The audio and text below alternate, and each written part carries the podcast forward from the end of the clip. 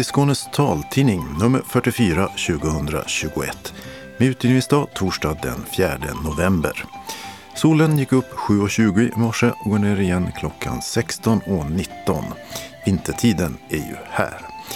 I samma studio men separat sitter Mats Sundling och Dodo Parikas och fjärrtekniker är Martin Holmström. Det här är innehållet. Skånetrafiken ska fråga kommunerna om det är okej att synskadade därifrån får behålla färdtjänsten. Det säger Karina Sackau, moderat ordförande i regionens kollektivtrafiknämnd. Konstigt och otydligt sätt att dra in synskadades färdtjänst, svarar nämndens Andreas Sjöström från Socialdemokraterna. Medan Lunds förr så kritiserade färdtjänst flyter på bra efter bytet till telepass. Bilarna är för det mesta i tid, säger de i Lund, men det finns också utmaningar. Eslöv säger nej till sparkcyklar. Coronaspridningen i Skåne ökar långsamt. Alla över 65 ska kunna få boosterdos med vaccin. Sverige blev tolva i schack-OS för synskadade efter dramatik i sista matchen. Bäst på många år, men en liten besvikelse, säger Sverigeettan Jörgen Magnusson. Så har vi kollat på en app som peppar dig så du kan motionera mera. Hur har pandemin påverkat dövblinda? Ja, det ska forskare nu ta reda på. Öppnat och stängt med krogar, barer och en rebus. Evenemangstips med julkonserter och syntolkad tv-terapi. Och en kalender med Luther, Freud och gåsamiddag. Anslagstavlan med regionala och lokala meddelanden, referat samt ändringar i kollektivtrafiken. Idag delar norra Skåne tavla med mellersta och sydöstra. Och allra sist redaktionsrutan. Ska gravt synskadade bli av med färdtjänsten? Ja, häromveckan hörde vi om paret Reine och Mia Gunnarsson i Bromölla som blev av med den efter nästan 30 år. Skånetrafiken avslog deras ansökan om förnyat färdtjänsttillstånd med motiveringen att domstolars nya tolkning av färdtjänstlagen kräver det och att bara en synskada inte längre räcker för att få färdtjänst. Dåligt gjort av Skånetrafiken har Socialdemokraterna, Sverigedemokraterna och Miljöpartiet i Region Skånes kollektivtrafiknämnd sagt och krävt att politikerna skulle avgöra en så viktig fråga. I måndags hade Skånetrafiken en dragning för nämnden. Karina Sackau är dess moderata ordförande. Vi hade ju begärt att få en eh, information ifrån våra tjänstemän på eh, serviceresor kring vad som hade hänt just i det här ärendet. Eh, och de berättade precis så som det stod att läsa faktiskt i tidningen också, det vill säga att, att rättspraxis har ändrats och vi fick också information om att färdtjänstlagen är ju vid det här laget ganska så, inte ganska gammal, men den har åtminstone över 20 år som den har varit giltig och eh, därmed så kan det ibland förändras i rättspraxis. Sen eh, är det ju inte tvunget att vi ska följa rättspraxis. Men det var den informationen nämnden fick igår. Mm. Från Skånetrafiken då. Ja, de menar ju nu att synskada inte räcker för att få färdtjänst hos Skånetrafiken eller få behålla den paret Gunnarsson kunde ju gå själva för egen maskin och då räckte ju kollektivtrafiken till, tyckte Skånetrafiken och eh, förnyade inte tillståndet. Eh, och där är väl kanske knäckfrågan då om ska synskada räcka för att få färdtjänst hos Skånetrafiken? Det är svårt. Eh, det är svårt för oss. Nu, nu, jag vet att, att det här är sekretess, men nu har det ju varit uppe i, i tidningar och media så att därför så så är det väl ingenting sådant man bryter. Och det var vi också angelägna om igår, ska jag säga, på nämnden, att man inte går in i, i enskilda ärenden. Men det är klart att när man lyssnar och, och när man hör att personer har en väldigt svår synskada eh, och nedsatt syn, att man då inte har möjlighet till färdtjänst längre. För jag kan ju förstå att det är svårt att att kunna orientera sig när man kommer på, på nya platser till exempel. Men det är, tänker jag, det är väldigt svårt för nämnden att ta ställning till eftersom att vi inte har detaljkunskapen och inte heller ska ha det. Däremot så, så ehm, utifrån det, den information vi fick så har vi sagt att vi vill gärna veta hur, vilka andra grupper i samhället skulle omfattas om vi gjorde undantag för synskadade när vi, när vi beviljade färdtjänsttillstånd. Hade det också fått effekt på andra grupper som har någon form av funktionsvariation? Eh, och det har vi eh, bett vår förvaltning ta och titta på och återkomma till oss med. Då låter det i mina öron som eh, du följer lite Skånetrafikens linje här, att det är rättspraxis och domar i förvaltningsrätterna som ni har att följa när ni gör sådana här bedömningar. Nej, jag skulle nog vilja säga att, att vi... Att ytterst så, så är det ju så här att det är, är kommunerna egentligen... Det är på kommunernas uppdrag som Skånetrafiken sköter färdtjänsten. Och skulle det vara så att när vi tar och får reda på hur många grupper som ytterligare skulle beröras om vi hade ändrat vårt regelverk så måste vi ta en förnyad diskussion med kommunerna och, och, och efterhöra om de in, tycker att det är lämpligt att vi gör en översyn av regelverket för att ha en mer generös tillståndsgivning i, i Skåne. Eh, och, och, eh, och, och, i så fall så får ju den processen påbörjas, tänker jag. Vi har hört tidigare eh, oppositionen säga att de ju tycker att det här var en dålig idé att ta färdtjänsten ifrån synskadade. Ja, men det, det, det är ju så. Alltså återigen, när man, när man läser den artikeln i tidningen så, så blir det ju väldigt svårt för, för alla som läser artikeln, inklusive vi politiker, att göra en bedömning. Vi måste hantera våra tillstånd när det gäller färdtjänsten på ett rättssäkert sätt. Och det är därför jag också nämner de övriga grupperna. Därför man, man måste kunna förlita sig på att alla behandlas på samma sätt när man söker färdtjänst bland de som, som bor i de kommuner som har överlåtit färdtjänsten till Skånetrafiken. Det är ju ett av skälen också till att man faktiskt har det eh, samlat gemensamt. Mm. Men om eh, Region Skåne, det vill säga ni som ju beslutar om färdtjänstreglementet för Skånetrafiken bestämmer att till exempel synskada ska räcka för att få färdtjänst så blir det väl lika regler för alla? Då blir, det då blir det lika regler för alla synskadade, ja, mm. absolut, ja. Eh, men det kan ju finnas andra grupper som, som egentligen också då skulle omfattas som har liknande funktionsvariation eh, men där man hittills har gjort bedömningen att de inte är berättigade till färdtjänst. Men eftersom att man gör en mildare bedömning när det gäller synskadade så kanske man också ska göra en mildare bedömning när det gäller vissa andra grupper. Och den, den tror jag att vi måste ha en, en eh, en, en, eh, åtminstone en, eh, en första eh, hands, lite mindre utredning för att vi ska veta vad vi pratar om. För när vi gör översyn av regelverket så gör vi ju det tillsammans med kommunerna också. Mm. Så vad händer nu? Nu avvaktar vi och får ett, en återkoppling från vår förvaltning och den kommer vi att få under januari månad.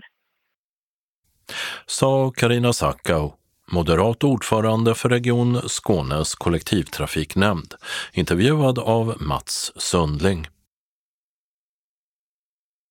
Otydligt och konstigt om Region Skånes färdtjänst. Synskadade har behov av den för att kunna leva på lika villkor. Det säger socialdemokraten Andreas Schönström, kollektivtrafiknämndens andra vice ordförande. Jag tyckte det var otydligt. Vi fick en muntlig dragning om det rättsfall som man vilar beslutet på med indragen eh, färdtjänst.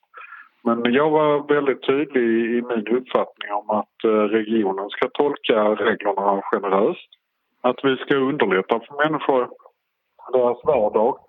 Även om lagen anger var golvet finns, vilka regler man minimum måste uppfylla så finns det ingenting som hindrar att Region Skåne inte är generösa och jag tycker vi ska vara generösa i det här fallet. Vad innebär det, generös? Att, eh...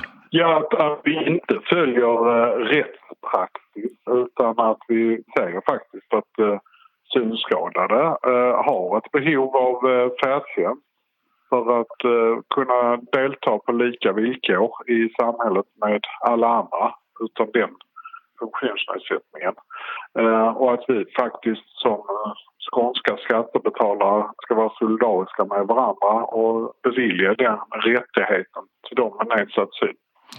Om jag förstod Karina Sakau rätt så ska man nu be Skånetrafiken att utreda färdtjänsten och bland annat fråga kommunerna som man kör åt om lov om man ska vara så generös så att synskadade kan eh, räkna med att få behålla färdtjänsten. Mm.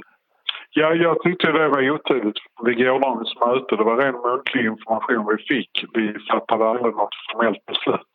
Så därför kommer Socialdemokraterna lägga in ett eh, nämndsinitiativ med exakt det uppdraget att förvaltningen ska ta fram ett regelverk tillsammans med kommunerna som bygger då på att man beviljar eh, synskadade färdtjänst även i fortsättningen. Jag framförde även vid mötet igår och jag tycker det är konstigt att eh, när det gäller att vara restriktiv och skära ner och ta in färdtjänsten och begränsa den för människor då behöver man inte ha kommunerna med sig. Men eh, man behöver tydligen ha kommunerna med sig när man ska ge människor rättigheter som de kanske har haft redan i ett 20-tal år men nu blir berövade ifrån. Det tycker jag är konstigt. Jag tycker det är, det är märkligt när människor under så lång tid har samhället ansett att de har ett behov av färdtjänst och sen så helt plötsligt så ändrar man på den ståndpunkten. Eh, jag tycker det är, jag tycker det är dumsnålt och jag tycker att det har alldeles för stora konsekvenser för de enskilda. Nu har ni tagit ett initiativärende, säger du. Vad händer sen?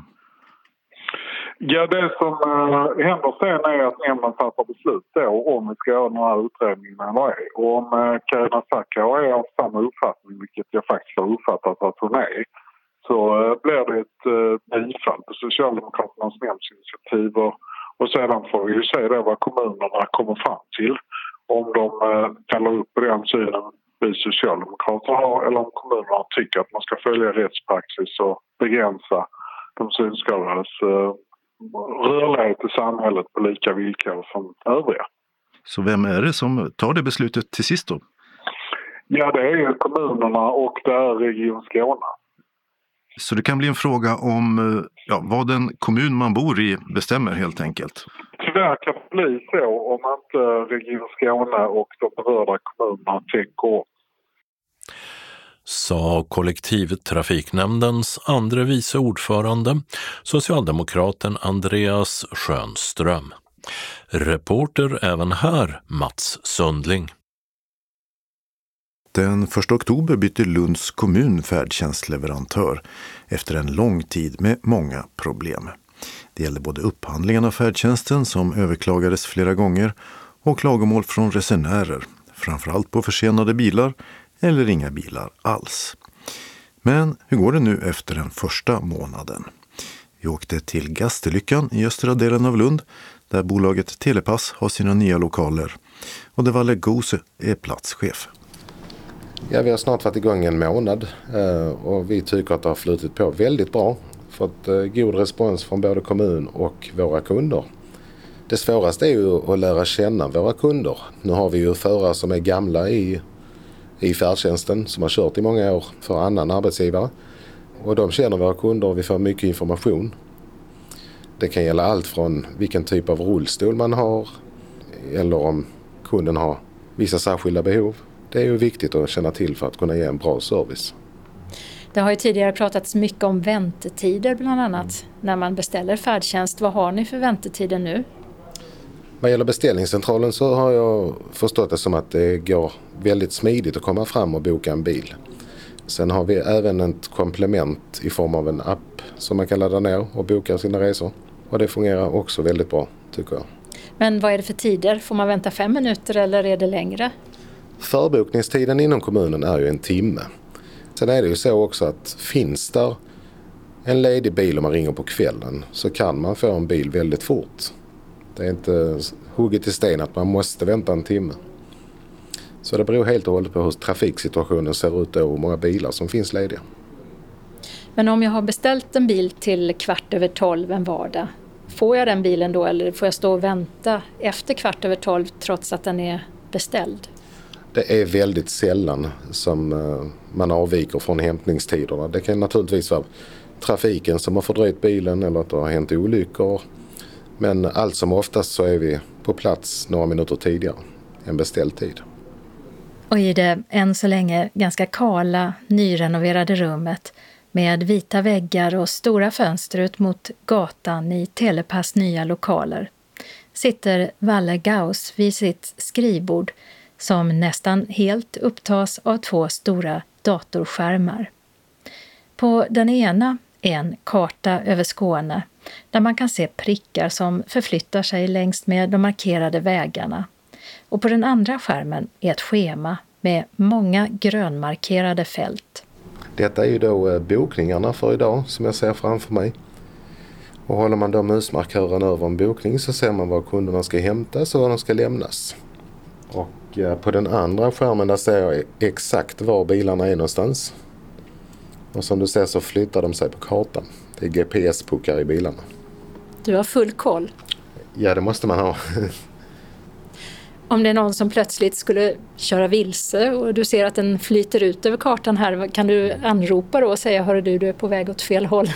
Jag kan ringa direkt till bilarna, absolut, och vägleda dem också via kartan om det skulle behövas. Så du sitter här och tittar rätt mycket då eller? Nej, just kartbilden brukar jag inte ha uppe så mycket. Eh, utan jag har stor tillförlit att de sköter det och hittar rätt. Däremot så, så har jag bokningarna uppe. Det händer ju då och då att man upptäcker kanske att nej, där är en, någon bokning som kommer dra ut på tiden och planera om det på en annan bil för att den ska skapa en försening för nästkommande kund.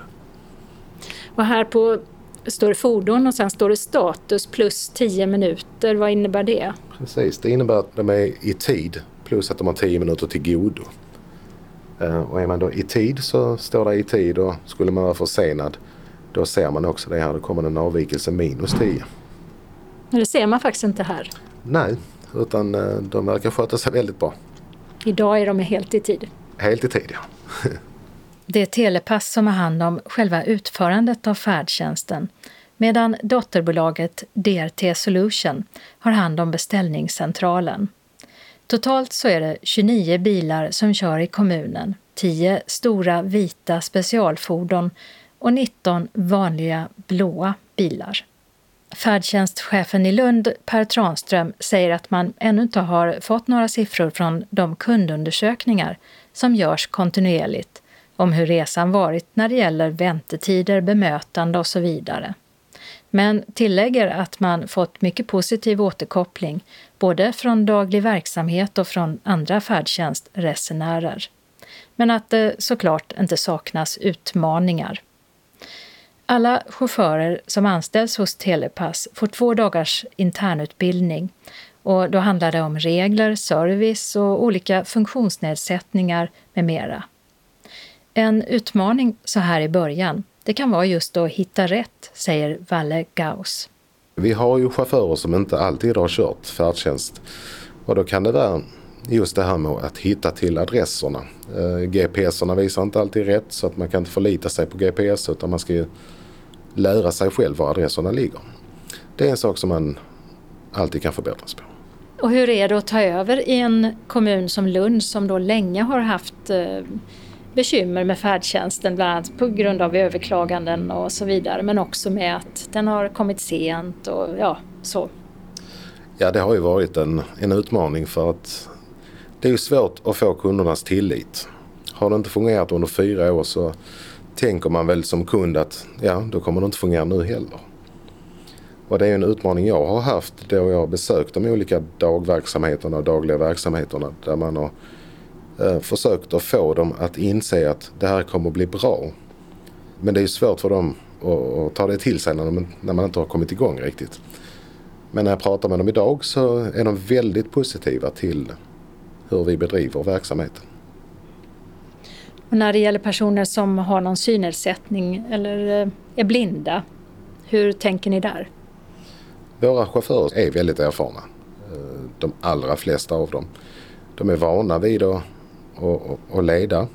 om man är synskadad, vana vid att prata och förklara att nu går vi vänster här eller nu kommer det ett hinder där. Så där känner jag mig trygg. Och när man ringer för att då boka färdtjänst, vart ringer man då? Vi har ett speciellt nummer som man eh, ringer till. Då kommer man till en beställningscentral. Vi har ett annat nummer som går till fasta resor. Och de som sköter bokningarna de heter DRT Solutions som är en leverantör till oss. Men man hamnar i en växel någon annanstans, inte i Lund? Fasta resor sitter i Lund men är det spontanbokningar så hamnar man i, i utlandet. Det kan vara Dakar, det kan vara Moldavien, det kan vara Estland. Det är slumpen som avgör var man hamnar. Och de som sitter och tar emot bokningarna de har fått lära sig svenska och jag tycker att de pratar väldigt bra svenska och är lätta att förstå. Och vad säger era kunder om det? Jag tror inte att de allra flesta tänker nog inte på att de har hamnat i utlandet. Någon negativ respons har det inte blivit. Men kan du visa runt lite så jag får se var bilarna står och så? Absolut. Ja, vi går ut på gården och där depån ligger. Och en chaufför som är på plats med sitt vita specialfordon där man både kan ta rullstolar och personer som behöver ligga ner under färden. Det är Finn Kristensen. Och han visar hur bilen med ett karaktäristiskt ljud går att sänka och även luta åt olika håll för att det ska vara så lätt som möjligt att ta sig in. Finn Kristensen, du jobbar som chaufför för Telepass Mm, nu. ja. Hur länge har du gjort det? Ja, det har jag gjort en månad. Och eh, var du i Lund och körde innan? Jag har kört eh, färdtjänst i Lund innan jag sedan eh, 2012, 11-12. Och hur eh, tycker du det fungerar att, köra nu när man har bytt leverantör? Eh, Det är det bästa jag har kört in till nu. Varför det? Ja, planeringen är bra, folken är, professionella, allt fungerar som det ska. Alla de gamla vi hämtar, alla kunderna vi hämtar, de är nöjda redan nu här. Vi får ros för att, eh, att vi kommer till titeln och vi är snälla och, och vi hjälper dem. Så det är fantastiskt. Är det stor skillnad på att köra nu jämfört med för någon månad sedan? Eh, Det är de samma kunder men eh, nu är, det, nu är det bilar till alla kunderna. Det var det ju inte innan och det var problemet med de som har kört tidigare. Och i depån där står bilarna under tak. Men just nu så är det ganska tomt eftersom den mest intensiva tiden på dagen, då många vill resa, precis har börjat, berättar Valle Gauss. Detta är ju en peaktid. Just vid klockan åtta snåret så har vi som mest att göra. Och eh, även från klockan 15 fram till 17 har vi som mest att göra. Då är, är det väldigt få bilar här. Men det är många bilar runt omkring som hörs. Motorvägen ligger ganska nära. Och det är väldigt bra. Det är strategiskt. Att man kan komma fram lite snabbare. Ska man till norra Lund härifrån då går det ju jättefort att ta norra ringen. Eh, Och likadant om man ska till södra Lund. tar man E22 och svänger av på Lund södra. Är det många som lockas av det här att de enbart kör färdtjänst och att det är fast månadslön till största delen? Det är klart att det påverkar. Alla vill väl ha fast månadslön och inte behöva tänka på om det är mycket jobb eller lite jobb. Det är ju klart en bekvämlighet för våra chaufförer att vi följer kollektivavtal och så vidare. Eh, de flesta av chaufförerna som kör för oss de trivs väldigt bra med att köra färdtjänst. Eh, det är det de vill syssla med. Sen har ju det varit eh, många överklaganden och så vidare. Och det ligger ju en överklagan när det gäller direktupphandlingen av er. Eh, hur påverkar det när man då liksom får en ny lokal och, och eh, ska investera en massa i bilar och så? Ja, som du sa, det är ju en direktupphandling som man har förhandlat med kommunen över ett år. Som sedan blir förlängt så att det blir ett år plus fyra. Vi räknar ju starkt med att vi ska behålla det här avtalet. Detta är en process som har pågått väldigt länge. Vi har velat ha det här avtalet väldigt länge. Och äntligen har vi fått det i hamn. Så du är inte orolig för framtiden? Det är jag inte, nej. Så länge vi fortsätter som vi gör och levererar en hög service så finns det ingen fog att vara orolig. Och Telepass kör även Skånetrafikens sjukresor i hela Skåne. Och färdtjänst i till exempel Blekinge och Jönköping bland annat. Reporter i Lund var Åsa Kjellman Erisi. Eslöv säger nej till uthyrning av elsparkcyklar. Företaget Börd hörde av sig till kommunen och aviserade att man ville börja med uthyrning som de första att göra det i Eslöv. Och de ville teckna en avsiktsförklaring med villkoren för kommunen. Men efter att kommunen gjort en utredning och en lång diskussion i den ansvariga miljö och samhällsbyggnadsnämnden blev det ett enigt nej från den. Det rapporterar Skånska Dagbladet. Vi ser inte att en stad av Eslövs storlek har behov av elsparkcyklar med den belastning många kommuner vittnar om. Det säger nämndens moderata ordförande Bengt Andersson till tidningen. Om kommunen kan stoppa uthyrningen är mer oklart och nämndens beslut ska inte ses som ett formellt avslag utan en signal om att Eslöv inte vill ha in elsparkcyklarna, säger Andersson. Så ska det handla om coronasituationen i Skåne som i tisdags när vi gick in i studion såg ut så här. Antalet skåningar som har smittats av covid fortsätter gå upp fast långsamt. Från i snitt drygt 80 personer per dag till i förra veckan till drygt 90 den senaste. Det är en ökning som pågått i några veckor nu. Antalet som testar sig är på samma nivå medan andelen positiva svar har ökat. Och antalet personer inlagda med covid på skånska sjukhus har ökat från 22 i förra veckan till 31 i tisdags. För den som inte är vaccinerad alls finns nu möjlighet att bli det i samband med att man gör ett sjukhusbesök. Alla som är över 65 år rekommenderas en påfyllnadsdos vaccin. Det meddelade Folkhälsomyndigheten i förra veckan. Innan dess gällde rekommendationen alla över 80 år eller har hemtjänst eller hemsjukvård eller bor på särskilda boenden. Nu har åldersgränsen alltså sänkts och dessutom inkluderas hemtjänstpersonalen och de andra i rekommendationen om en tredje dos.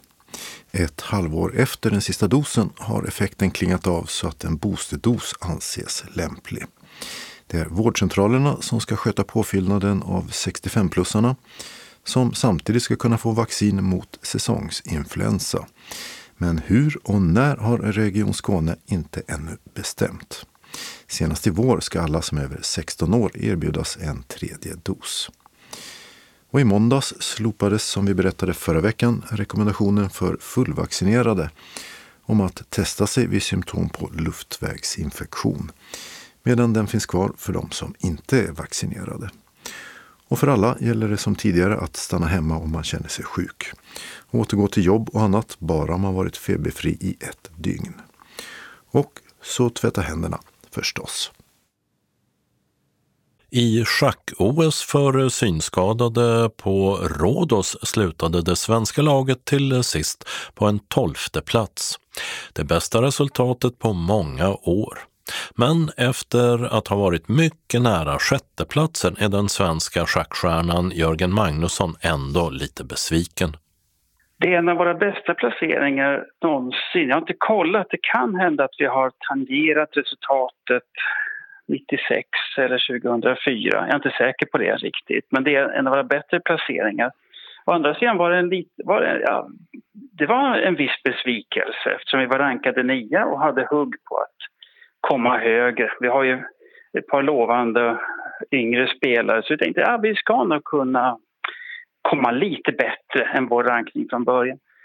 Och det var nära. Vi spelade en avgörande match mot Italien i sista ronden där ehm, vi var snubblande nära att få remi på ett bord som vi förlorade. Hade vi fått den här remin då hade vi väl kommit sexa, sjua, vilket definitivt hade varit ett väldigt bra resultat. Men ungefär där jag tycker att vi borde vara. Men vi är helt enkelt lite för veka. Vi behöver bli tuffare och bättre. Ja, där hängde det på håret. Remi betyder då oavgjort eh, i andra sportsammanhang. Mm. Eh, och nu blev det en förlust i ett av de här partierna i den här matchen mot ja. Italien. Och där var det nerverna som spelade in då, trodde du? Jag tror det. Alltså, det, det gjorde väl för alla i, i, i den. Samma sak för Italien. Hade de inte fått oavgjort mot oss, då hade de inte kvalificerat sig till världskuppen som är för de 16 bästa lagen i OS. Då. Så de hade också mycket att spela på. Jag såg i mitt eget parti, fast jag har massor av rutin, så är man ju liksom eh, av stunden. Så att eh, mitt parti var inget skönspel utan det var ju liksom mera gatuslagsmål. Jag ville ju alltid döda motståndaren men det var ännu mera, mindre skönspel och mera brutalitet. Eh, vilket lyckades, jag lyckades bryta ner honom efter ett tag. Men eh, jag märkte själv att eh, man får säga att nu får du fan mig lugna dig. Du kan inte spela hur primitivt som helst, då kommer det slå tillbaka istället. Så alla var ju påverkade av situationen förstås. Men mer eller mindre, och sen så har man ju mer eller mindre vana av att, ja, av att hantera det. Så att, eh, vi behöver mer rutin och den här tuffheten som kommer av flera erfarenheter helt enkelt. Så att det, det ser bra ut, men vi borde fan med ha gjort det lite bättre. Mm. Eh, ja, det blev vinster och förluster på vägen där. Ni förlorade stort mot Indien som väl är en stormakt i synskadeschack och eh, storfavoriterna Ryssland som sen gick vidare och blev mästare. En förlust med 1-3. Ja, eh. Ryssland kanske var en av de bättre matcherna vi spelade faktiskt. Både jag och William hade nog plus i våra två partier som slutade remis där. Och i båda partierna var det ryssarna som ville få remis. Så där gjorde vi en bra match även när vi förlorade. Eh, Indien hade också en väldigt, väldigt bra turnering i början. Men de hade också ett yngre lag, alltså bland annat när de slog oss. Då. Eh, men tappade också mycket, jag tror för att de, nervositet och så, så de slutade åtta fast de låg eh, trea och sådär under en stor del av turneringen. Så att eh, det gäller att orka med mentalt hela vägen. Men sen hade vi några så här spännande lägen som jag tyckte vi hanterade bra. Eh, Italien hanterade vi dåligt, kan man säga. Men däremot så mötte vi Rumänien som vi i normala fall haft svårt mot. Jättebra lag, seriöst satsande spelare. De hade varit på träningsläger några veckor med det spanska landslaget innan. Oerhört seriöst satsande. Och de slog vi övertygande med 3-1. Det har vi aldrig gjort eh, tidigare. Och sen följde vi upp det med att också slå ett annat bra lag till från de gamla öststaterna som har en väldigt fin schacktradition. Vi slog Slovenien också övertygande med 3-1. Så där visade vi att vi höll ihop och kunde liksom eh, dominera länder som vi inte har haft en chans att göra det mot. Vi kanske har fått vara jätteglada för 2-2 eller en udda poängsförlust mot de här länderna tidigare. Men nu så slog vi dem tydligt. Och det var bra. Sen tror jag att nerverna blev lite för fladdriga. Kanske inte bara i sista ronden utan när det började närma sig slutet så att säga. Där. Efter Slovenien låg ni på sjätte plats, vilket jag förstår det är så bra Sverige har legat till eh, någonsin historiskt i sammanhanget. Ja, det tror jag i alla fall. Eh, det har funnits lite olika system under tiden. Ibland har man kört kvalgrupper och dittan och detta men sen man körde alla i en enda jävla stor hög så, så har vi aldrig legat... Vi mötte ju alla de bästa lagen kan man säga. Jag tror, jag tror att vi mötte eh, fyra av de fem bästa länderna som kom etta till femma. Eh, kanske, eh, så mötte vi, jag tror bara det var ett av dem, det var Tyskland som kom fyra som vi inte mötte. Så vi hade väldigt bra motstånd och eh, var med. Alltså, jag borde ha spelat lite bättre och eh, våra yngre spelare skulle behöva lite mera rutin och, eh, och få upp den här eh, tuffheten som man får genom att spela mycket helt enkelt. Vi behöver lite, ja, lite bättre behöver vi bli, då kommer vi vara där. Nästa gång, då jävlar. Sa Jörgen Magnusson från Lund, sedan många år en av världens bästa i synskadeschack. En av de lovande yngre spelarna som han nämnde är William Johansson från Hörby som 14 år gammal är rankad tvåa i Sverige. De andra som representerade Sverige var Tage Johansson, Patrik Gränsmark och Håkan Thomsson.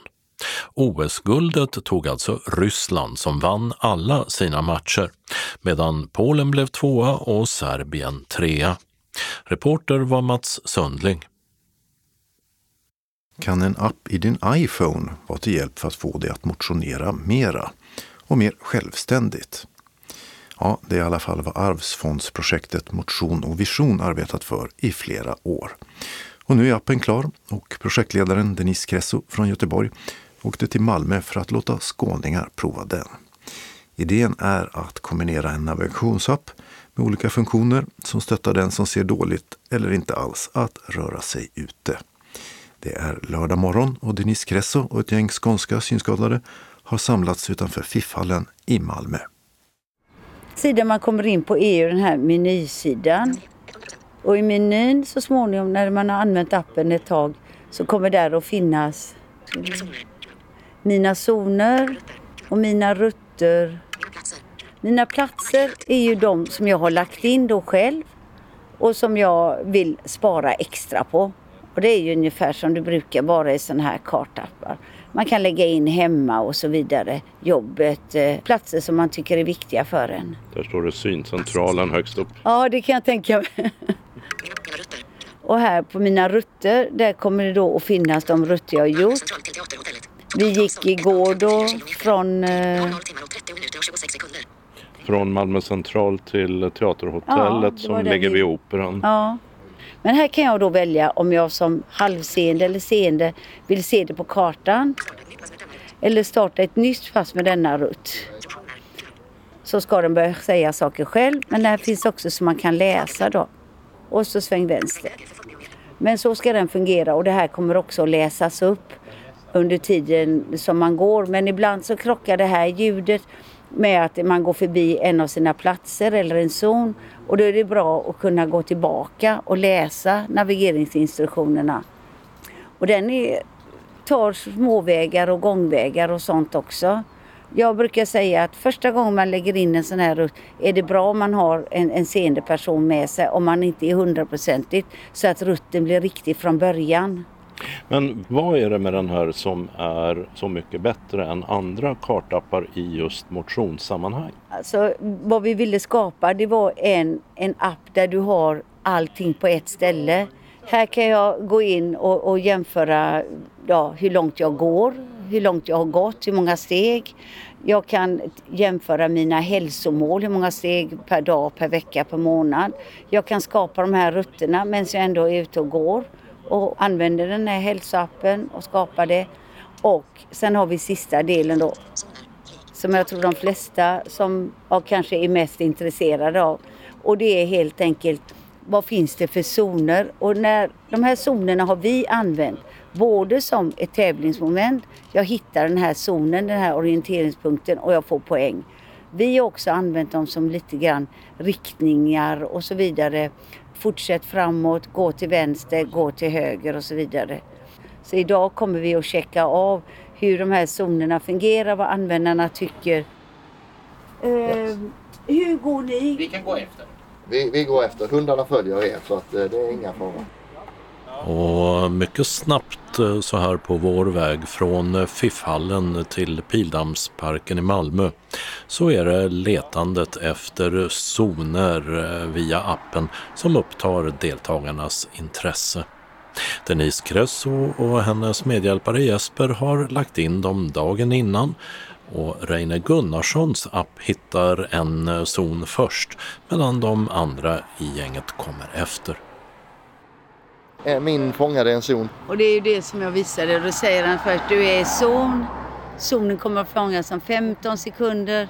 Så nu när de tar zoner här, Ja, de har tydligen klarat det. ja, man samlar poäng. Men fördelen är att går man så här i klump så kan alla tre äga zonen och få sina 25 poäng. Men kan man nu om, om det är fika här och man sitter ett tag, kan man inte ta ett nytt varv och, och plocka nya poäng? Jo, skulle man kunna. Ja. Ja, vi kan ta va- varvet tillbaka och så kan vi ta...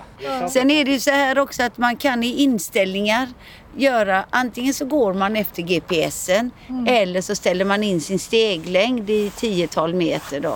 Framförallt så kanske det kan få människor att gå en liten sväng till för man tänker att ah, men bara 17. Och så här i träningens namn kan man så leta zoner och tävla mot sig själv eller mot andra som är med eller kanske mot någon annan som går samma sträcka vid ett annat tillfälle. Men vad händer om man trots GPS-navigation, zoner och egna platser ändå kommer vilse? Går man in på profilfliken ovanför inställningar finns det något som heter livlina. Där kan ni lägga in tre telefonnummer, meddela dessa tre personer att ni lägger in dem som livlinor. Kommer ni bort, blir osäkra och så, så kan ni antingen skicka till alla eller till en av dem. Och då är det ett automatiskt inskrivet meddelande. Eh, ring mig, jag behöver din hjälp. Och då får också den personen en kartposition. Och efter en stärkande promenad både till och runt Pildammsparken och därefter till kaféet vid Margareta-paviljongen så är det dags för utvärdering av appen Vision och motion. Malmöbon Anna Silva ser appen främst som ett navigationsverktyg som hon hoppas ska föra henne riktigt långt, eh, fast kanske inte redan nu i höst. Ja, som ett väldigt intressant hjälpmedel för mig som tycker mycket om att gå och eh, kommer det att bli ett stort stöd. Och eh, det här tävlingsmomentet med de här zonerna, vad tycker du om det? Ja, det tror jag inte att jag blir med så mycket om. För mig är det orientering som är viktigt och veta när jag ska komma tillbaka. Och kommer du att eh, göra egna rutter tror ja. du? Ja, jag är säker för att kunna utbygga mina, mina byar. Du pratade om uh, att du skulle ta det ända till uh, Dalby från Malmö. Ja, jag önskar det. Men jag måste hitta en väg, hitta en karta. Vi får se. Det blir en, en utmaning till nästa vår eller nästa sommar. Det ska jag inte göra nu. En saken är klart, det är för kallt. Kändes det som att det var några nackdelar med nedladdningen till exempel? Ja, jag hade svårigheter för att ladda men det är inte programmets fel.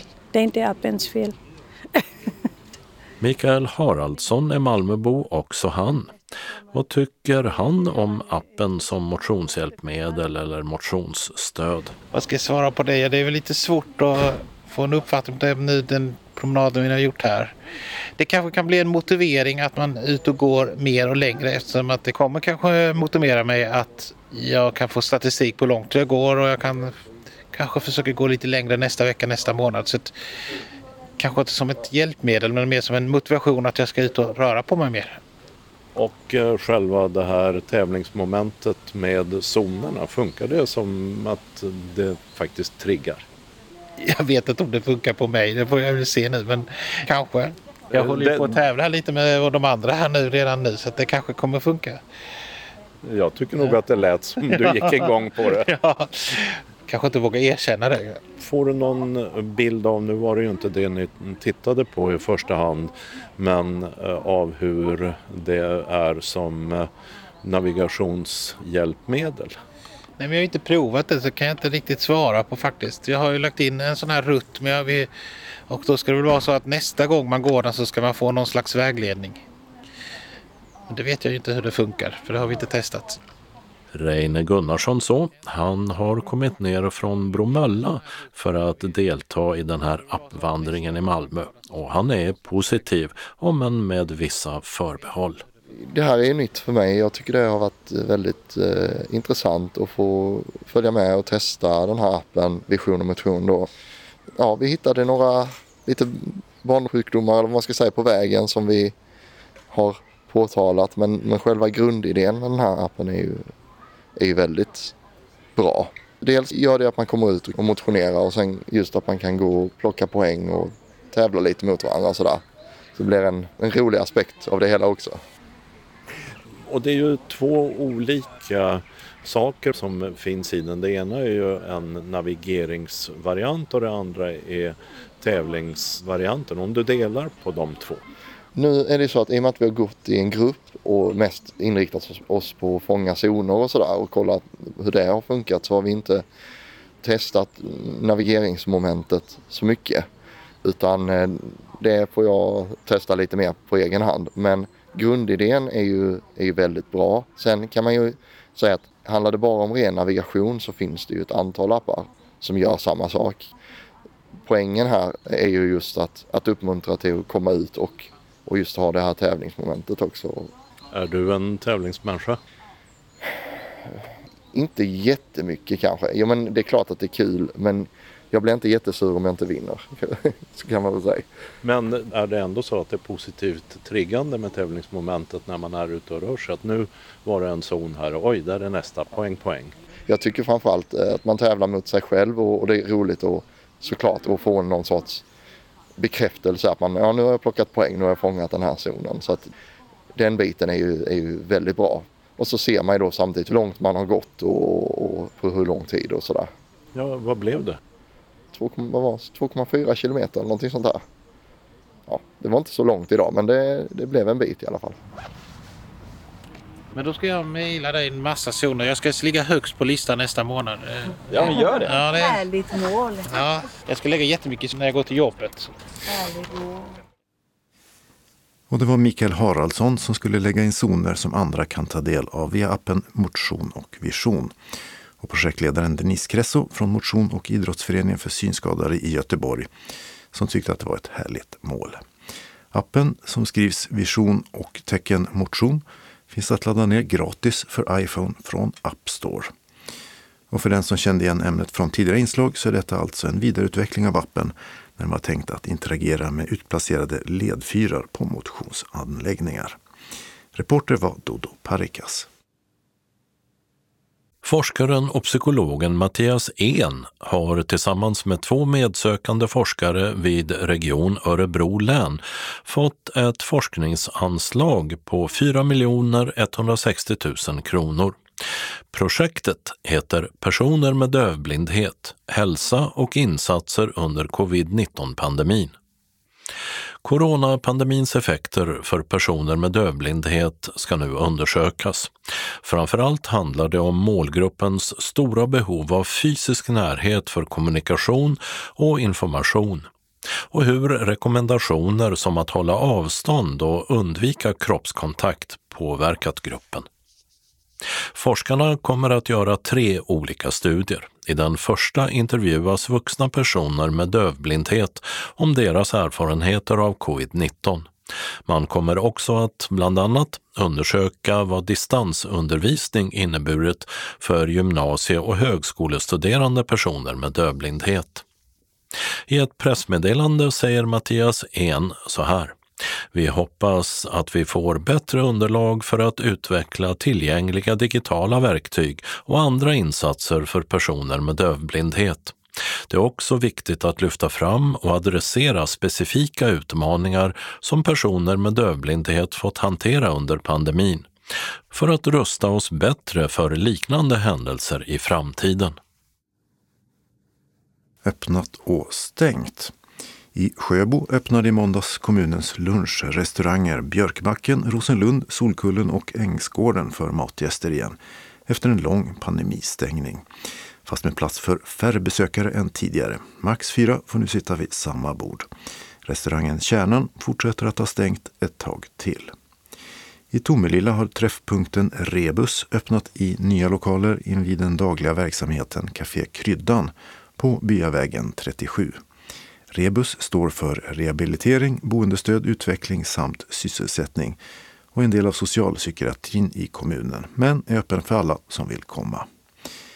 I Lund gick Tegnérs matsalar i somras i konkurs, men nu har baren T-bar haft nypremiär i samma lokaler. Och I Lund har kulturen, likt många andra, öppnat allt igen efter de slopade coronarestriktionerna. Malmö museer och Malmö konstmuseum har öppnat igen efter sina coronastängningar. Och man behöver inte längre förboka biljett på någon hemsida.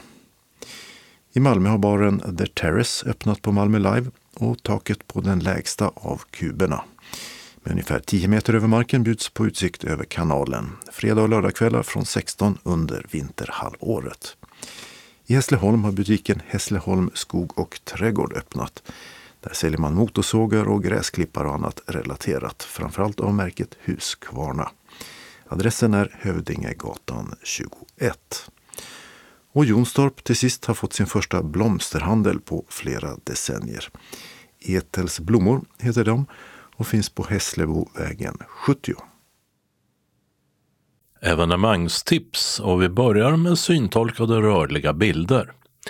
Filmen Koda handlar om Ruby, den enda hörande i en döv fiskarfamilj. Men vad händer när hon vill söka sig ett eget liv? Koda står för Children of Deaf Adults, barn till döva vuxna. Filmen är på engelska och har syntolkning och uppläst text via de sedvanliga apparna. Där på TV från UR. Torsdag 11 november 21.45 är det premiär för serien Dolt under ytan i SVT1 utan syntolkning med syntolkningen samtidigt i SVT 24. Övriga fem delar går kommande torsdagar 21.30 till och med 16 december. Serien följer sex föräldrar och deras tonåringar hos psykologen. Det är ingen dokusåpa utan barn och föräldrar gestaltas av skådespelare medan psykologerna spelar sig själva. Syftet är att nyansera bilden av psykisk ohälsa och visa varför läget inte är så hopplöst som det kan verka. Under Bästa biennalen, som är en konstfestival för barn och unga, så används en toalett på Regionmuseet Skåne i Kristianstad för en konstupplevelse där en dyngbagge från Åhus spelar huvudrollen. Konstnärsgruppen Thunderforce motto för verket är toaletter mot mobbing och diskriminering av personer med funktionsvariationer. Och nej, det är inget skämt. Öppet 5, 6 och 7 november 11 till 17. Biljettförsäljningen till 2022 års melodifestival börjar 8 november. Först ut är Malmö Arena. Genrep 4 februari 20.00, genrepsmatiné 5 februari 13.45 och så deltävling 1 den 5 februari 19.30. Ticketmaster säljer biljetterna och priserna är inte klara när dessa tips publiceras. Omstart för kollektivtrafiken efter corona är ämnet för en föreläsning den 10 november 18.00 till 19.00 på Lunds stadsbibliotek med forskaren Lena Hiselius från K2, Nationellt kunskapscentrum för kollektivtrafik. Det är gratis och ingen förbokning, men besökare uppmanas komma i god tid för att få en plats. Föredrag och samtalskvällar anordnas på Domkyrkoforum, Kyrkogatan 4 i Lund. Onsdag 10 november frågas det vad psykoanalysens fader Sigmund Freud och kyrkoreformatorn Martin Luther betyder för människor idag. Vilka krafter är i rörelse i Burma eller Myanmar? Det är temat 17 november under rubriken I munkens skugga, vilket också är namnet på författaren med mera Helena Thorfinns senaste bok som handlar om just Myanmar. I december 2020 var hon månadens ansikte i Skånes taltidning. Och vad menar du när du talar om mening? är rubriken 1 december. Om det talar gestaltterapeuten och prästen Bent Falk. Start 19.15 alla gångerna. Fri entré, men vill man vara säker på en plats ska man hämta biljett på Domkyrkoforum från och med torsdag veckan innan respektive programpunkt. 13 november infaller Arkivens dag. Temat är röster i arkiven, vilket bland annat syftar på att den allmänna rösträtten fyller 100 år i år. Malmö stadsarkiv kör ett helt digitalt program som läggs ut den 13 via arkivets hemsida. Där finns bland annat följande föreläsningar om politikern och redaktören Elma Danielsson samt Anna Stenberg, kvinnlig pionjär i Malmöpolitiken. Samtal mellan Malmöhistorikern Roger Johansson och journalistikforskaren Inger Lindstedt om boken Malmö stads historia 1990 till 2020. På Arkivcentrum Syd på Fyrvägen 20 i Lund är det öppet hus 10 till 15. Ett urval programpunkter. 10.45 om Eva Andén, rösträttskämpe och Sveriges första kvinnliga advokat. 11.45 Skånska röster om samlingarna av skånska dialektinspelningar. 13.45 Rösträttens klingande röster Mellan 13 och 16 sänds ett program på Arkivcentrum Syds Youtube-kanal med bland annat rösträttsstrid i Ängelholm, kyrkohistoria och frågestund med släktforskare. I Simrishamn blir det två föreläsningar på museimagasinet Garvaren, Lädergatan 4. 12.00 Skansarnas historia i Simrishamn med Magnus Lindskog och 13.00 Simrishamns röster ur dagböcker och brev med museichef Lena Alebo. Gratis operadagen lång pågår på Malmö konsthall till och med 14 november. Sun and Sea, alltså Sol och hav, är en engelskspråkig litauisk operaperformance som fick priset Guldlejonet på 2019 års Venedigbiennal. Måndagar är det stängt, annars pågår musiken nonstop mellan 13 och 17 utom onsdag 10 november då tiden är 17 till 21. Konsthallen är inte öppen annat än mellan dessa klockslag och föreställningen är en halvtimme lång, sen börjar den om från början. Och det är drop-in, ingen förhandsbokning. Publiken sitter på en platå och artisterna befinner sig på en konstgjord sandstrand tre meter nedanför. Den som är rullstolsburen ombeds höra av sig i förväg till Malmö konsthall. E-post info.konsthall malmo.se eller telefon 040 34 60 00. Min sanna jul är den vitsiga titeln på Sanna Nilsens julkonserter. Den 21 november 18.00 sjunger hon på Helsingborgs konserthus. Biljettpris mellan 695 och 795 kronor. Kristianstad teater får besök 26 november 19.00, 27 november 15.00 och 19.00 samt 28 november 15.00. 22 december 15.00 och 19.00 sjunger hon på Ystad teater. Och det är stort tryck eh, efter biljetterna som kostar 795. 1 december 15.00 är det adventskonsert med körsång i Ivetofta kyrka. När det lider mot jul är en konsert med Anna Paulin, Christer Jonsson och Thomas Trulsson på Tivolihuset Höganäs 3 december 19-21. Nortic säljer biljetter för 50 kronor för unga upp till 25 och 100 kronor för övriga. Lunds universitets julkonsert äger rum i Universitetsaulan 4 december 17.00 och 19.00 med Lunds akademiska kör och Akademiska kapellet. Det blir både julklassiker och okända pärlor. Och vid konserten 17.00 jultalar rektor Erik Renström. Ticketmaster och Visit Lund har biljetter för mellan 70 och 140 kronor. Estradören Mattias N och pianisten Rune Lindqvist håller en timslång julkonsert på Birgit Nilsson-museet, Birgit Nilssons väg 27, Båstad, den 5 december 13.00 och 16.00. Pris 250 kronor. Bokning sker endast via mejl. bnsallskapet birgitnilsson.com. Uppge ditt namn, antal biljetter och föreställningstid. Du får svarsmejl om hur biljetten ska betalas. I Håslövs kyrka på Söderslätt blir det adventskonsert söndag 5 december 18-19 med Näsets kammarkör och orkestern Capella Lundensis under ledning av Martin Hauksten. Det blir musik av Vivaldi, Mendelssohn och Bach med flera. Den som önskar en stilla jul kan söka sig till Helsingborgs konserthus den 6 december 19.30. Biljettpris 530 kronor och Kristianstad teater 19 december 14.00 och 18.00. Det blir julkonsert med just rubriken En stilla jul med Gunilla Backman och Anders Ekborg. Tixter säljer Kristianstadsbiljetterna för 495 kronor. Mer jul. Malmö brandkårs orkesters julshow heter En strålande jul och ges på Slakthuset i Malmö två gånger den 11 december, 15.00 och 19.00. Förutom orkestern medverkar Richard Söderberg, Maria Ylipää, Andreas Eldén och The Choir on Fire.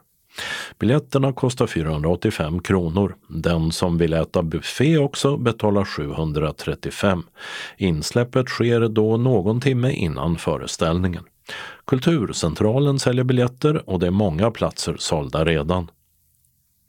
Hässlekören julkonserterar i Röda salongen på Hässleholms kulturhus 19 december 17 till 19.20.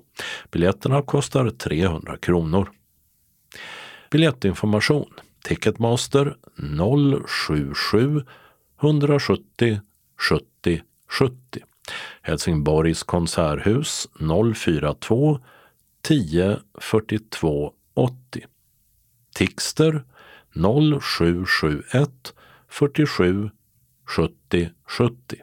Nortic 0455 61 97 00. Visit Lund, tidigare Biljettbyrån 046 13 14 15. Kulturcentralen 040 10 30 20. Trelleborgs bibliotek 0410 73 31 80. Hässleholms kulturhus 0451 26 66 70. Ystad teater 0411 577 199 och Ystad Visitor Center, Ystad turistbyrå 0411 57 76 81. Kalendern för årets 45 vecka tar sin början måndagen den 8 november då Vendela har namnsdag. På dagen för fem år sedan valdes Donald Trump till USAs 45 president och förändrade den politiska kartan på ett sätt som fortfarande sätter sina djupa spår även efter att han besegrats av demokraternas Joe Biden. Tisdagen den 9 november återstår 50 dagar av år 2021. Det är Theodors och Theodoras namnsdag samt Kambodjas nationaldag. Detta eftersom landet blev självständigt från kolonialmakten Frankrike detta datum 1953. I Tyskland kallas 9 november ofta för Schicksaltag, ödesdagen, eftersom just detta datum så har en rad vändpunkter i tysk historia ägt rum. 9 november 1918 avsattes kejsar Wilhelm II, vilket innebar slutet för kejsardömet. Samma datum 1923, fast med start redan den 8 försökte Hitler och nazisterna ta makten i Bayern under den så kallade ölhals eller ölkällarkuppen i München. 9 november 1938 var datumet för kristallnatten då judiska verksamheter förstördes och deportationer till koncentrationsläger inleddes.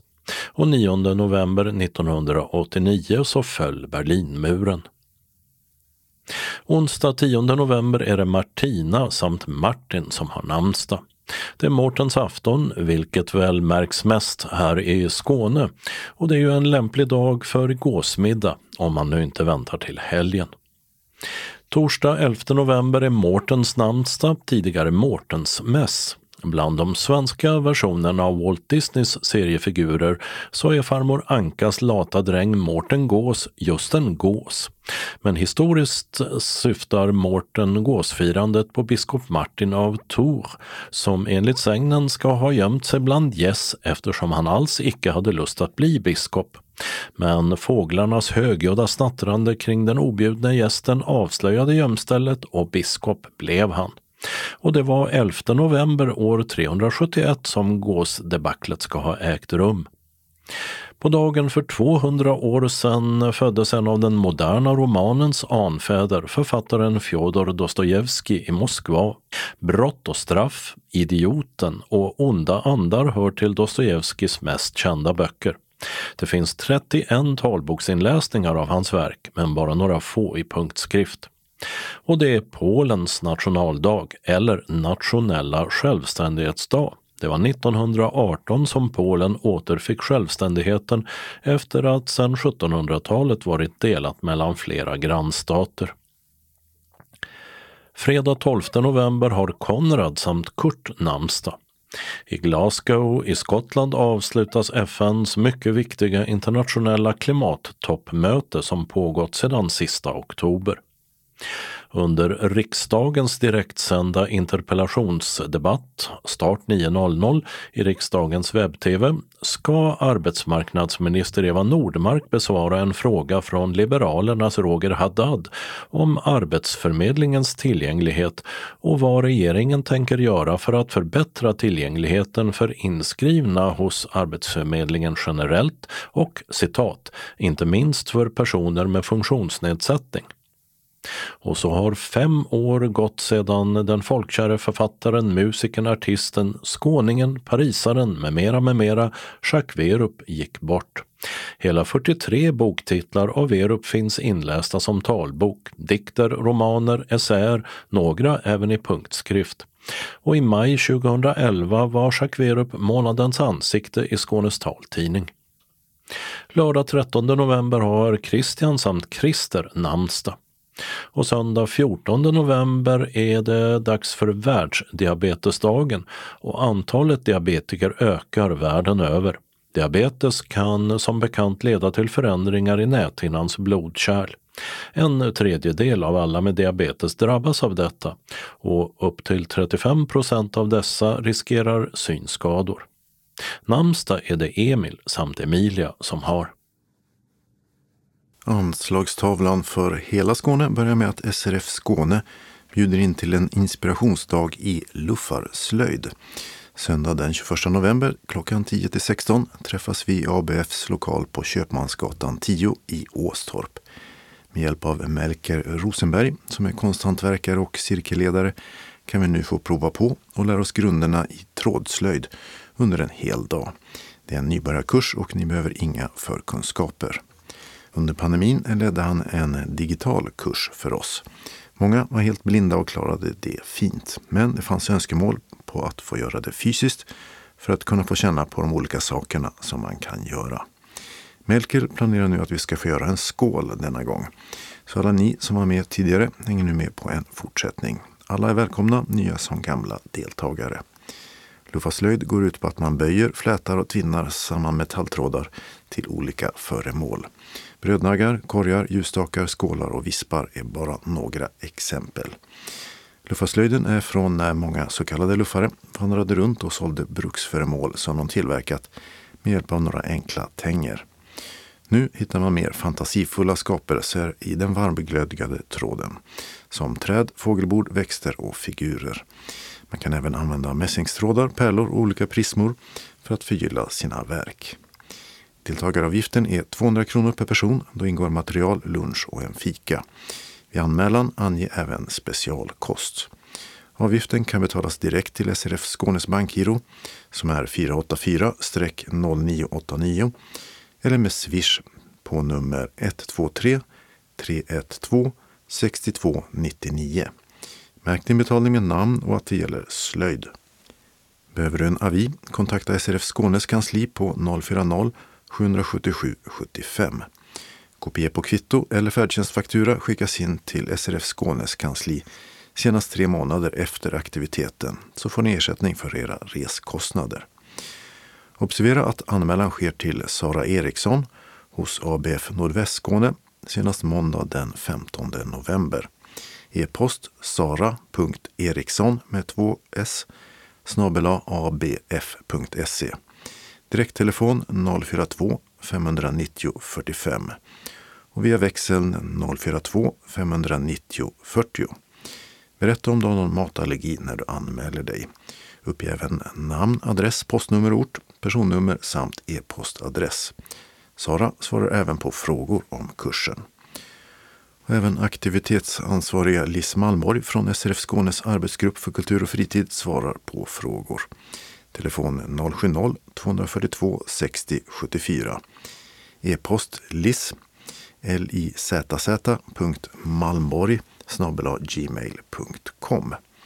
Välkommen med din anmälan önskar just Arbetsgruppen för kultur och fritid.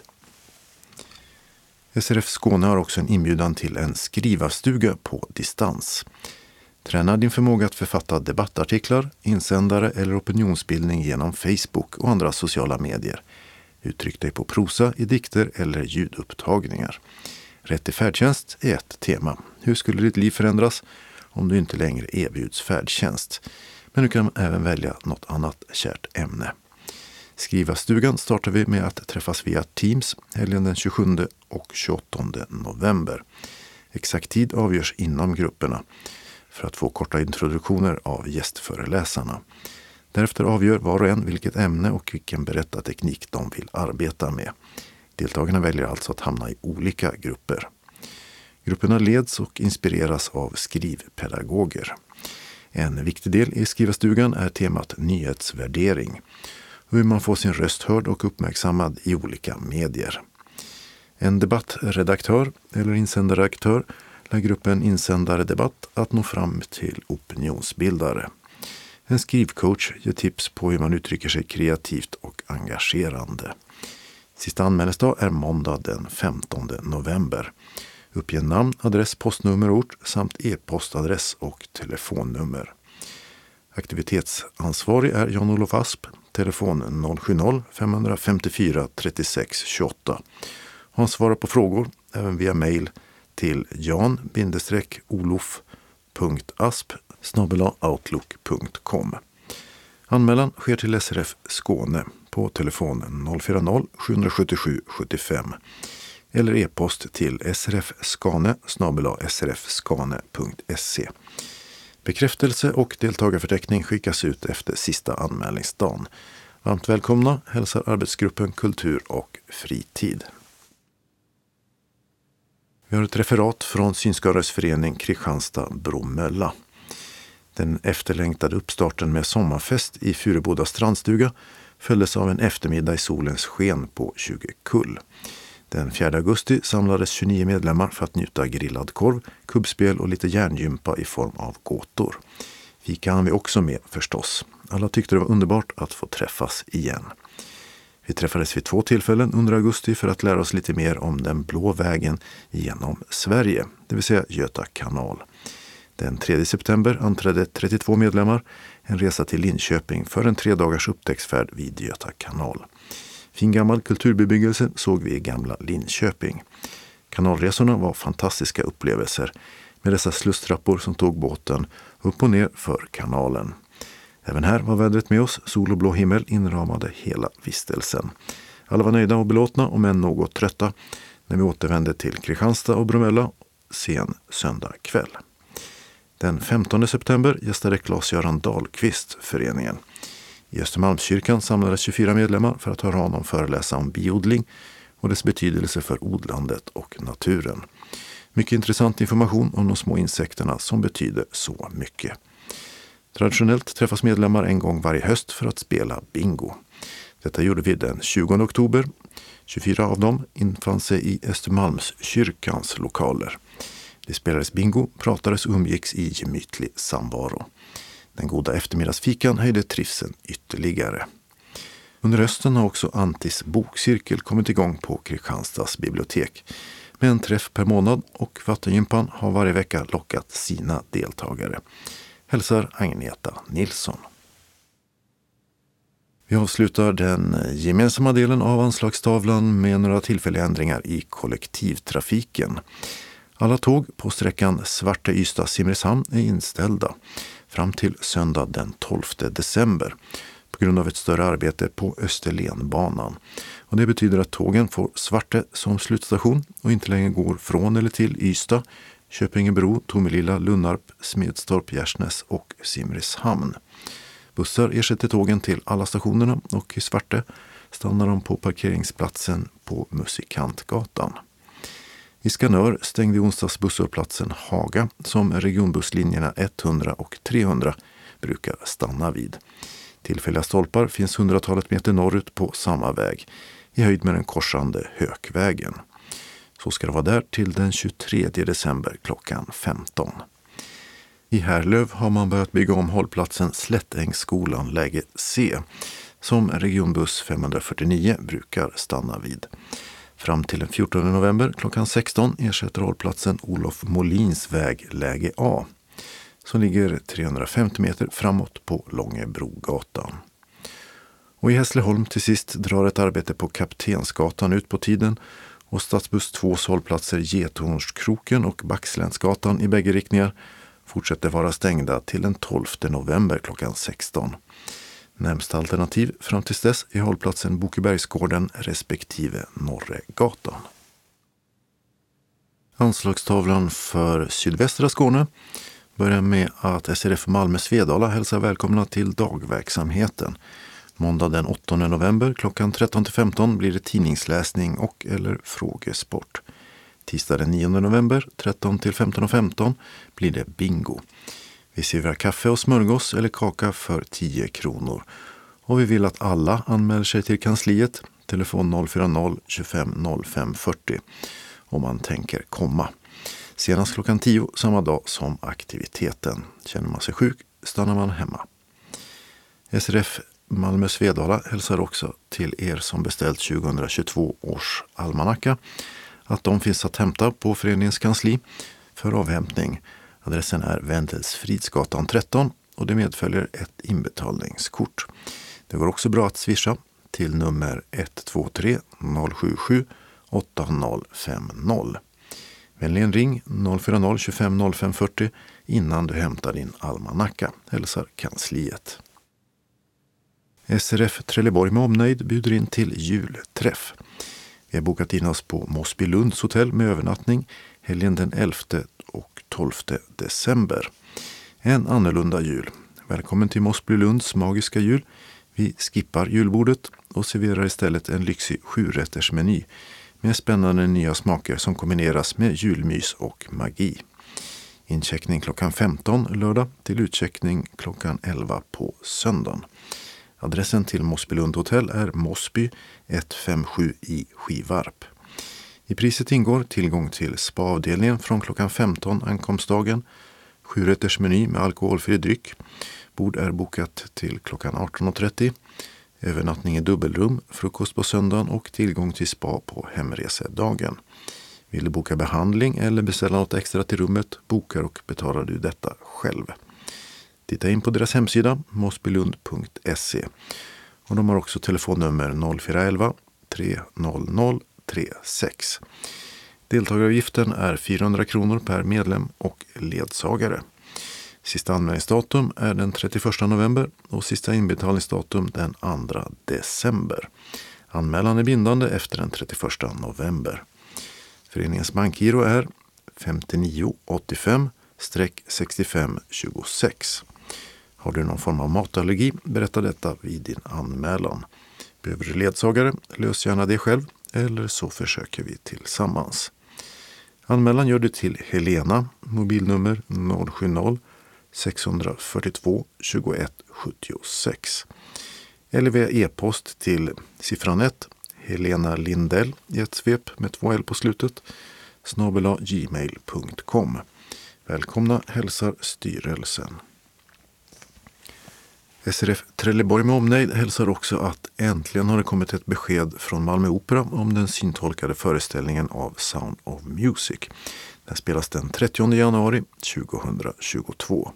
Styrelsen har förbokat ett visst antal biljetter och vi vill senast den 1 december 2021 veta hur stort intresse det finns hos medlemmarna till denna aktivitet. Priset är 400 kronor per medlem och ledsagare. Vår förhoppning är att vi ska avnjuta en foajémeny som ingår i priset.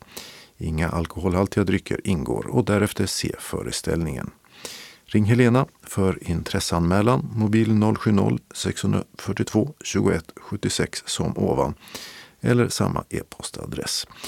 Du som anmäler dig får mer information i god tid före aktiviteten om tider, maten och så vidare. Anmälan är bindande efter den 1 december. Hälsar styrelsen.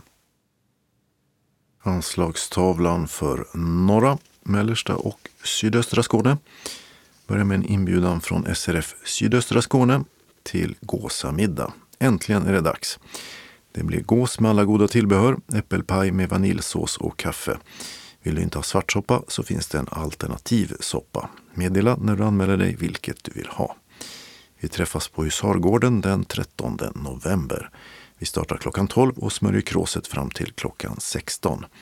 Vi kommer även att gå igenom nästa års verksamhetsplan som vi hoppas ska bli bättre ur coronasynpunkt. Adressen till Husargården är Hörbyvägen 301-15 i Sjöbo. Priset för synskadad medlem och stödjande medlem är 200 kronor. Anmäl dig senast den 7 november till Marion och Jan Magnon 0736 50 38 18 eller Vicky Svedrell 0708 37 53 58. Uppge vid anmälan om du har rullstol, rollator, egen ledsagare, ledarhund eller är i behov av särskild kost. Synskadade medlemmar får sina reskostnader ersatta efter att vi senast tre månader efter aktiviteten fått kopia på kvitto eller färdtjänstfaktura. Du betalar till Bankgiro 5435 4303 eller swisha till nummer 1234 415 071. Vi ser helst att du använder något av dessa alternativ. Välkommen till en härlig middag på Husargården hälsar styrelsen. SRF Västra Skåne bjuder in till julbuffé på Söderåsens värdshus. Fredag den 3 december klockan 15 till 18 på Söderåsens värdshus. Adressen dit är Risekattslösa vägen 9 i Billesholm. Om du inte vill ta färdtjänst avgår en buss från SRFs lokal på Vaktgatan 3 i Helsingborg klockan 14.15. Och hemkomst dit igen klockan 18.45. Deltagaravgiften för medlemmar i SRF Västra Skåne är 200 kronor och 400 för övriga. Sista anmälningsdag är måndag den 22 november klockan 12 till kansliet. Telefon 042 15 83 93 eller e-post till srf.monica telia.com. Glöm inte att meddela om du vill åka med i bussen och eventuella matallergier. Välkommen! SRF Ängelholm Båstad bjuder till sist in till årets sista öppna hus som blir den 24 november mellan klockan 14 och 16 på Torgträffen på adressen Gasverksgatan 25 i Ängelholm. Vi träffas för social samvaro och fika. Du behöver inte anmäla dig utan kan bara komma till torgträffen. Vi bjuder på fikat. Undrar ni över något så är Marianne ansvarig för detta och kan nås på telefon 070-710 45 79 eller via e-post till mariannejonsson 95 gmail.com. Varmt välkommen! Och det var allt vi hade att säga i veckans Skånes taltidning. Nästa nummer nästa torsdag den 11 november. Skånes taltidning ges ut av Region Skånes psykiatri och habiliteringsförvaltning. Ansvarig utgivare är Martin Holmström. Postadress Jörgen Ankersgatan 12, 211 45 Malmö. Telefon 040-673 0970. E-post Skanes taltidning snabela skane.se och hemsida skanestaltidning.se. Observera att CD-skivorna inte ska skickas tillbaka till oss. Såväl skivor som kuvert kan läggas i brännbara sopor när ni inte längre vill ha dem. Vi hörs igen. Hej då!